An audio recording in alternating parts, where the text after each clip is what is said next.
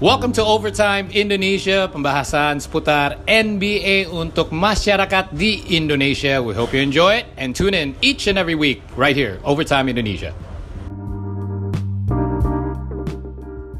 Yoi kembali lagi di Overtime Indonesia dan pas gua ngerekam ini kebetulan gua baru kelar jadi komentator bersama Paul Palele dan Golden State Warriors menang nih. Jadi ini rekap dari game 1 game 2 skor sekarang uh, satu sama nih jadi karena kebetulan ada pencinta Raptors, gue pengen nanya nih, kira-kira Raptors ini bakal di gentleman sweep atau justru bisa sampai game 7 nih, Paul? Uh, justru menurut gue ini akan uh, uh, sampai ke game 7. Ini akan jadi series yang panjang dan sebenarnya banyak yang udah prediksi juga bahwa ini akan jadi series yang panjang walaupun masih tetap unggul Golden State Warriors, tapi ini akan jadi series yang sulit untuk kedua timnya. Uh, kalau kita lihat musim regular pun uh, juga dimenangkan uh, 2-0 sama Raptors walaupun itu musim musim reguler ya. Berarti Raptors sudah pernah menang sekali di Oracle musim ini.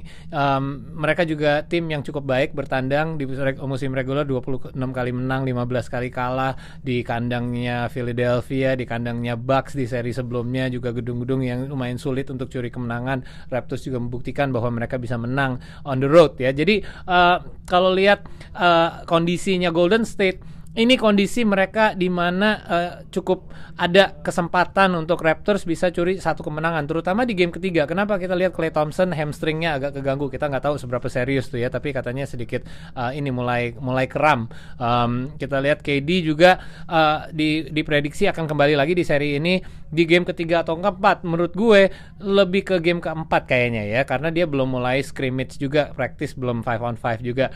Um, kalau seandainya KD kembali pun juga kita nggak tahu KD apa yang kita akan dapat nih? Menit mainnya seberapa? Dia bisa cetak 35 poin nggak? Uh, jadi kita um, kalau Raptors mau coba curi satu kemenangan uh, bertandang di salah satu di Oracle game ketiga nih yang harusnya mereka bisa dapetin. Tapi uh-huh. Golden State Warriors balik ini fansnya lagi nunggu-nunggu nih. Biasanya kan mereka seperti lo bilang uh, mereka terbiasa dengan membuka final ini di kandang sendiri. Nah mereka udah kehausan nih udah dua game ngelihat tim mereka melalui TV lah atau di mana pun. Dan uh, akhirnya mereka bisa menyambut secara langsung timnya kembali lagi ke kandangnya dengan sendiri menang ya. dengan menang game uh. terakhir. Jadi momentum ada juga di Warriors tapi uh, dan juga uh, jangan lupa juga DeMarcus Cousins luar biasa ya. Dia main bisa main dari main 8 menit uh, di game kedua main 28 menit uh, udah 10 poin dan uh, Draymond Green juga uh, luar biasa uh, performance-nya 17 poin hampir triple double lagi cuman uh, kurang satu assist. Jadi um, walaupun mereka sekarang kita lihat Warriors ngadepin tantangan terbesar yang mereka pernah hadepin yaitu uh, cedera. Kita selalu lihat bahwa banyak yang selalu bilang wah Warriors gampang menang nih karena mereka beruntung nggak pernah cedera. Yeah. Doakan lawannya selalu cedera. Nah ini di mana mereka akan ketemu tantangan terbesar mereka bukan hanya dari lawan tapi justru dari kondisi mereka sendiri dari kesehatan. Nah kalau di game satu kita lihat bahwa uh, Raptors unggul dan bisa dibilang cukup take over game lah ya. Maksudnya uh, Raptors bener-bener ya emang emang bagus banget di game pertama. Tapi apa sih yang salah di game kedua ini kok tiba-tiba dari game satu eh, apa quarter satu quarter dua mereka itu mimpin tapi tiba-tiba di quarter tiga keempat kok entah kenapa ke susul gitu momentumnya kok ini, ambil Warriors Nah, ini ini justru uh, sesuatu yang kita expect kan. Kita expect yeah. Golden State ini tim juara, mental juara. Mereka pasti dan mereka dilatih oleh Steve Kerr, seseorang yang bagus banget in game adjustment atau in between game adjustment dan kita lihat itu benar-benar terjadi. Yang kita expect akan ada adjustment dari game satu ke game 2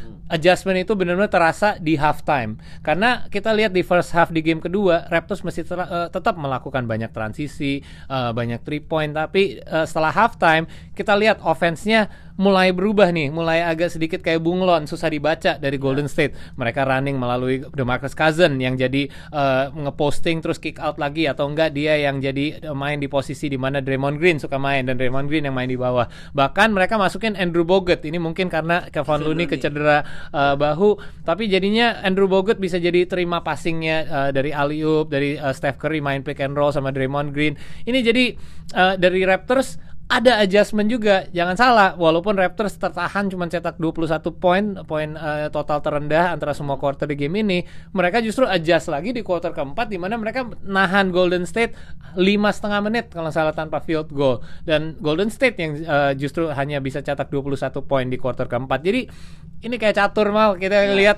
antara dua pelatih tuh ada banyak adjustment antara pemain pun juga Dan ada berasa ya, defensive berasa. berasa dan defensive assignment pun berubah-berubah terus uh, selama satu pertandingan. Jadi ini jadi seri yang kita expect. Kita nggak expect ini jadi sweep juga untuk masing-masing tim. Tapi yang yang pasti kita akan lihat banyak hal-hal seperti ini, banyak perubahan, banyak adjustment dan semoga nggak banyak pemain lagi yang cedera deh, karena udah cukup banyak. Iya, karena uh, kita juga nggak tahu Clay Thompson bisa main game 3 atau enggak kan. Iya, Kayak kita tahu. kemarin lihat KD aja walaupun kita pikir ya itu nggak seberapa lah maksudnya KD masih bisa cepat sembuh buktinya beberapa game dia dia missing gitu. Enam nah, ini juga uh, Clay Thompson kita juga nggak tahu game 3 main atau enggak atau karena ada KD balik akhirnya Clay Thompson bisa istirahat. Cuman kalau misalkan kita jujur jujur jujur-jujuran nih Paul. Kira-kira menurut menurut lu kan udah nonton game 1, game 2, lu mungkin nggak tahu ya maksudnya harusnya kita udah kebayang nih. Eh, so lu harusnya udah kebayang siapa yang kemungkinan besar bakal juara NBA tahun ini, Paul. Eh, gue harus tetap mengikuti. Nah ini ini susah susah dibahas juga. Faktor faktor faktor yang kita belum mengetahui seperti kondisi Kevin Durant ini sangat berpengaruh mal. Gue gue sa- bisa kasih jawaban sekarang persis. Kalau seandainya Kevin Durant kayaknya bisa main tapi dia nggak 100% nih. Tapi kita nggak tahu hal itu juga. Tapi kalau mau ngomong tebakan, oke gue berarti gue harus tebak ba- eh, Kevin Durant kondisinya seperti apa. Dia balik pun juga bisa balik 80%, 90% atau totally seperti KD yang kita lihat sebelum dia cedera. Uh, kondisinya uh, KD doang ya. Kalau kita ngomongin Clay Thompson, DeMarcus Cousins itu gue bisa coba nebak deh. Nah, sementara kalau dari um, dari Toronto juga gua nggak lihat Kawhi Leonard ini 100% sejak serinya lawan Bucks. Jadi kondisi dia pun juga mungkin agak ditutupin oleh diri, diri sendiri juga. Tapi kalau mau suruh tebak langsung-langsung aja, gua akan uh, ini deh gue harus ikutin hati aja deh Toronto Raptors karena uh, kalau kita bilang momentum momentum dari seri akan bolak-balik antara kedua tim ini. Tapi momentum secara keseluruhan alur cerita dari Toronto Raptors di mana mereka bisa mendapatkan harus mengorbankan terutama Dwayne Casey coach of the year DeMar DeRozan pemain yang mereka draft dan udah loyal banget sama franchise-nya. Untuk mendapetin seorang Kawhi Leonard plus Danny Green juga mereka kehilangan Jonas Valanciunas untuk dapatkan uh, Marcus Gasol. Banyak pemain-pemain yang sebenarnya Toronto banget gitu. Alur cerita comebacknya lawan di game ketujuh game winning shotnya Kawhi Leonard. Comeback setelah ketinggalan 0-2 bisa gentleman sweep terhadap Milwaukee Bucks. Alur ceritanya sih perfect banget sempurna banget untuk Raptors bisa pertama kali cicipin final dan menang juara juga. Tapi kalau KD balik dan 100% gue yakin sih itu doang yang yakin ya. ragu. Soalnya kalau misalkan dibilang dari story ya sebenarnya dulu zaman Allen Iverson pas masuk final juga story dia bagus banget sih. Maksudnya eh, ketemu Milwaukee Bucks Ray Allen, ketemu Vince Carter di final, Eh, Reggie Miller ya ketemu Reggie Miller juga. Maksudnya story mereka tuh bagus banget tapi ketemu Lakers tetap aja kayak Gentleman 4-1 sweep ya di dan walaupun waktu itu menang satu tapi Iya, di gentleman sweep gitu ya. Nah, ini kan tadi lu ke sounding masalah tentang oke Kevin Durant. Kita eh, Kevin Durant ini punya peran penting apakah kira-kira Raptors bisa juara atau enggak. Cuman ada satu hal yang dari kemarin game 1 game 2 entah kenapa gua ngerasa eh, auranya hilang yaitu adalah Kawhi Leonard ya. Gua ngerasa kayak aura dia lawan Sixers, aura dia lawan Milwaukee Bucks itu kayak entah kenapa ini bukan kayak Kawhi Leonard yang kita kenal gitu, Paul. Kena- sebenarnya karena karena defense-nya double team ini mengganggu Kawhi Leonard atau karena apa nih, Paul? Apa enak badan atau gimana? Nggak banget, gue lihat emang uh, di game pertama terutama ya di double team, di tri- triple team, Panik di kali trap, dia ya. dia uh, berusaha untuk uh, field goal presentasi yang pasti efisiensinya dia turun. Tapi Iya. kita juga lihat bahwa dia dari free throw line di dua pertandingan ini uh, ya nggak pernah hari ini pun nggak pernah nggak masuk gitu. Jadi Iya. gue lihat nggak masalah sama sekali dari Kawhi Leonard. Kita uh, lihat eh, justru masalah kekhawatiran sebelum seri ini mulai, apakah pemain-pemain lainnya bisa step up dan mereka menurut gue terbukti bahwa bisa step up terutama dari mental. Kalau ngomongin Raptors dulu, aduh kalau kena serangan Golden State 34 poin dan Ya, kita ya, jadi buntu nggak bisa cetak poin selama 5 menit lebih, udah deh kelar. Pasti jadi pembantaian dari sisi skor. Tapi gua justru eh, positif liatnya karena liatnya oh, oke mereka justru bisa apa ya nggak panik uh, mereka justru malah berusaha untuk uh, oke okay, kita back to basics aja, rebounding, secure rebound, defense-nya harus lebih bagus. Uh, mungkin ini nggak tahu dari Nick Nurse atau enggak dari mentalnya juara dari Kawhi Leonard, Danny Green ataupun seorang pemain senior yang umurnya udah 34 dari uh, Marcus Gasol yang udah uh, udah berapa kali perang di uh, playoff di wilayah barat lagi yang lebih berat pernah ketemu Golden State juga dan jadi kayaknya kalau ngomongin Raptors tahun ini uh, gue lihat secara keseluruhan tim ini udah bisa support Kawhi Leonard di mana Kawhi Leonard mungkin akan ketemu defense yang berat di Golden State bahkan gue akan lihat gue akan percaya bahwa Kawhi Leonard ini dari game ke game akan semakin bagus kalau kita perhatiin Kawhi Leonard yeah. dia itu di sebuah series Kenapa bisa bagus banget secara keseluruhan? Karena dari game ke game dia pasti nemu titik di mana dia bisa ya, perbaikin hal-hal tertentu. Iya, uh. dia seneng banget ngehadapin sebuah defense dan nemuin caranya untuk mecahin defense ini. Dan dari uh, dari sisi defense kalau dia yang main defense maksudnya dia juga mainnya semakin bagus karena dia bisa lebih bisa baik baca pemain apa ya uh, ciri khas ciri khas setiap pemain yang dia harus jaga. Jadi kalau dari Kawhi Leonard gue nggak khawatir sama sekali. Yang gue uh, seneng justru gue lihat mentalnya uh, kuat dan uh, secara keseluruhan supporting playernya terutama dari benchnya Raptors kayaknya udah kembali lagi. Apalagi OG Anunoby udah aktif walaupun dia nggak main. Kayaknya ke depannya dia akan dibutuhkan. Ya, nah ini kalau misalkan kita ngelihat uh, ke kubu Raptors ya, tadi kan lu sempat sounding bahwa ini tuh tim terkuat uh, Golden State Warriors sepanjang final. Berarti lu menyampingkan uh, Cleveland Cavaliers yang ngeblow up 3-1 nih, ngeblow up 3-1. Ah, berarti kan di situ ada Kyrie Irving, ada Kevin Love gitu ya. Kenapa lu bisa bilang Raptors sekarang jauh lebih baik daripada Cleveland yang Imam Shumpert, Kyrie Irving, Kevin Love? Oke, secara keseluruhan ya. uh, sebagai tim ya gue bilang karena ka kalau pemain yang Golden State pernah hadepin yang uh, paling jago yaitu LeBron James itu nggak ya. us nggak ada tidak ada keraguan sama sekali. Tapi kalau kita lihat uh, teammates-nya LeBron James di tahun 2016 dibanding tim yang ngelilingin Kawhi Leonard, oke okay, nggak ada yang uh, membantah bahwa Kawhi Leonard itu pemain terbaik di Raptors saat ini. Hmm. Jadi anggap aja oke okay, LeBron James sih lebih jago dari Kawhi Leonard. Ya. Tapi menurut gue secara keseluruhan banyak pemain di tim Raptors uh, musim ini diban uh, apalagi dari sisi defense ya dibandingkan tim yang ngelilingin LeBron James di 2016 lebih banyak yang lebih bagus di timnya Raptors ini terutama dari benchnya. Um, ngomongin juga dari uh, seperti uh, oke okay, sekarang supporting castnya siapa? Ada Kyrie Irving. Oke okay, Kyrie Irving bisa dibilang all star sama juga Kyle Lowry tapi Kyrie Irving lebih bagus lah secara offense. Yeah. Tapi uh, dari Love. sisi yang lain uh, Kevin Love dibandingkan sama Mark Gasol yaitu yeah. bisa argumen juga yeah. Pascal Siakam dibandingkan siapa Iman Shumpert. Jadi kalau one to one perbandingannya Matthew Dellavedova dibandingkan Fred VanVleet gitu, yeah. Danny Green. Ya maksudnya secara keseluruhan dan kita tahu bahwa uh, ibaratnya defense wins championship gitu. Dan menurut gue defense-nya um, di uh, Cleveland Cavaliers 2016 mereka mainnya physical banget. Itu formulanya untuk bisa uh, apa ya mengganggu offense-nya Golden State Warriors. Kita nggak lihat itu dari 2019 Raptors ini. Mereka mainnya nggak sefisikal tim Cavaliers itu tapi uh, secara keseluruhan cara mereka rotasi di defense cara mereka bisa main di transisi lebih apa ya lebih ad, bisa adaptasi ngelawanin Golden State. Ini kenapa uh, jangan lupa ya mereka itu uh, Golden State itu sebenarnya udah unggul 3-1 loh mereka kenapa bisa comeback? Karena Draymond Green juga suspend walaupun itu jangan deh kita gunain itu sebagai alasan. Tapi Draymond Green ini kita tadi dengar Batam bilang apa nyawanya Golden State ini adanya di uh, Draymond Green dan Draymond Green ini main peran yang penting di mana Draymond Green disuspend untuk satu game itu mengkasih apa ya satu celah lah untuk uh, Cleveland Cavaliers yeah. bisa comeback.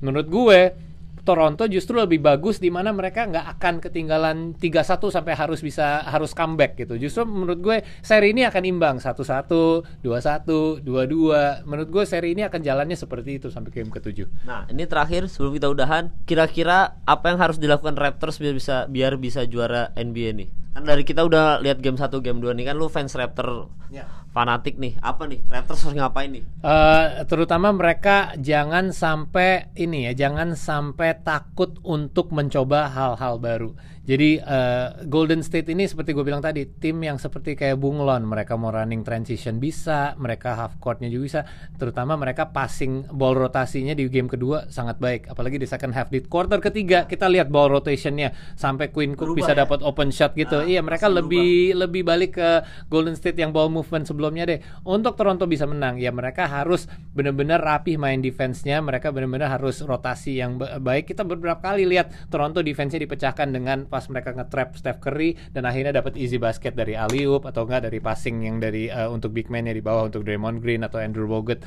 Nah, eh, untuk Toronto bisa menang juga eh, three point shooters mereka harus eh, lebih bagus lagi. Jangan sampai ada eh, di man- eh, kayak tadi di quarter ketiga 5 menit tanpa field goal. Iya. Oke, lawan tim lain mungkin bisa, tapi lawan Golden State nggak bisa sih ngelakuin hal-hal seperti itu. Susah banget. Iya. harus harus di ini terus ya kalau lawan Golden State tuh harus tetap pepet pepet pepet nggak bisa dikasih celah kayak gitu sama udah terbukti kan tadi udah leading double digit pun mereka Iya. bisa comeback dan bahkan hampir menang jauh. Untung uh, Raptors juga nutupin quarter keempat dengan baik. Tapi uh, kalau bukan karena Andre Iguodala yang nyelamatin dengan three point terakhir, kita nggak tahu apa yang bisa terjadi kan itu benar-benar sampai detik-detik akhir. Jadi uh, menurut gue jangan kasih uh, kesempatan deh untuk Golden State bisa running point apalagi di quarter ketiga. Mereka harus tahu hal itu. Kita aja semua tahu bahwa Golden State sering running point di quarter ketiga. Jadi quarter ketiga itu harus benar-benar dijaga, defense mereka tetap harus rapi dan role player dari Raptors semua harus step up di setiap game. Jangan cuma satu game ke satu game aja dan jangan terlalu mengandalkan uh, kalau Kawhi Leonard jelas option pertama, tapi jangan selalu harus mengandalkan misalnya Pascal Siakam di game pertama. Game kedua harus pemain lain yang step up lagi. Kita lihat tadi Fred VanVleet mainnya cukup baik, tapi game keempat, ketiga, keempat ke, dan selanjutnya harus pemain lain-lain yang harus step up. Kenapa? Itu akan catch Golden State off guard. Siapa Iya. yang harus dijaga? Jadi mereka bingung uh, mau matiin siapa di game pertama di game hari ini. Misalkan kayak game pertama Benar. ternyata mereka kecolongan di Pascal Siakam karena Benar. mereka matiin Kawhi Leonard. Ya. Ternyata di game kedua mereka oke cukup bagus jaga Pascal Siakam. Poinnya poinnya berapa tuh? Pascal Ya, Siakam. Pascal Siakam hari ini hanya 12 poin, tapi ada Kyle Lowry dengan 13 poin, ada Nah, 17 poin dari Jadi Van Vliet. akhirnya berarti kan Pascal Siakam di secara nggak langsung dimatikan oleh defense-nya Warriors karena dia tahu dia kecolongan di game satu, di game kedua jangan sampai Pascal Siakam main seenak-enaknya. Fred VanVleet yang akhirnya bersinar. Ya. Berarti memang setiap game harus ada pemain Raptors yang harus step up, step up, step up gitu terus ya. Ya, Paul ya. ingat ya, eh, 31 poin dari bench eh, Raptors cukup baik. Ingat juga bahwa di first half Golden State Warriors hanya hanya dapatkan 4 poin dari benchnya, tapi total mereka setelah satu pertandingan 25 poin. Berarti di quarter ketiga dan 4 benchnya mereka sendiri aja udah cetak 21 poin. Dan ini harus dijaga-jaga dari Toronto Raptors. Jangan saking fokusnya terhadap Steph Curry atau Klay Thompson, Iya. mereka melupakan benchnya ini benar-benar eh, bisa meledak kapan aja juga. Ini Golden Golden eh, Golden State ini eh, motonya kan strength in numbers. Ini yang mereka eh, harapin. Lo terlalu fokus sama pemain utama kita, kita secara keseluruhan bisa main. Lo terbukti sama Andre Iguodala dengan game winning three pointnya tadi. Sama Cook ya hari ini ya. Quinn Cook juga. Ya. Quinn Cook walaupun poinnya nggak banyak tapi memang kadang-kadang Efektif, timingnya benar. Iya, masa ke poin-poin yang dicetak di uh, waktu-waktu krusial tuh jauh lebih bermanfaat daripada lu nyetak 30 poin, 40 Iya. poin tapi bukan di waktu krusial.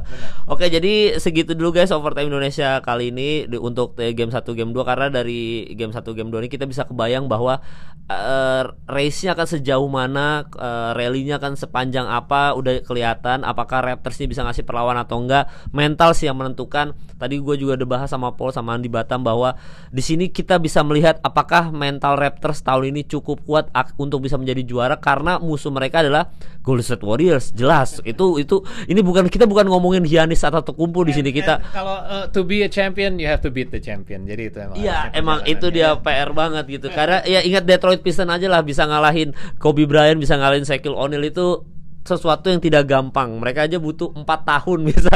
Akhirnya tahun keempat baru bisa matiin Lakers. Jadi kalau memang di sini eh, kalau misal tadi Paul bilang perubahan yang banyak udah banyak pengorbanan sacrifice di kubunya eh, Raptors terus akhirnya tidak memanfaatkan momentum ini dengan sebaik-baiknya maka mungkin tahun depan nggak akan bisa segini jauhnya lagi kita nggak tahu ya maksudnya ke Leonard apakah stay atau enggak tapi yang jelas semoga bakal semakin kuat juga ya. Ya, East juga bakal semakin kuat dan memang tahun ini juga terbukti kok kalau Pak East lebih lebih kompetitif daripada West Ya. dan rekornya juga jauh lebih baik East daripada West kan kita nonton playoff Warriors ketemu Portland, ketemu Clippers, ketemu siapa lagi Eh, Warriors eh, ketemu Houston Ya. lebih seru kita nonton Sixers sama sama Celtics, Sixers sama si Raptors, Raptors, lebih seru aja ya, East lebih benar. seru.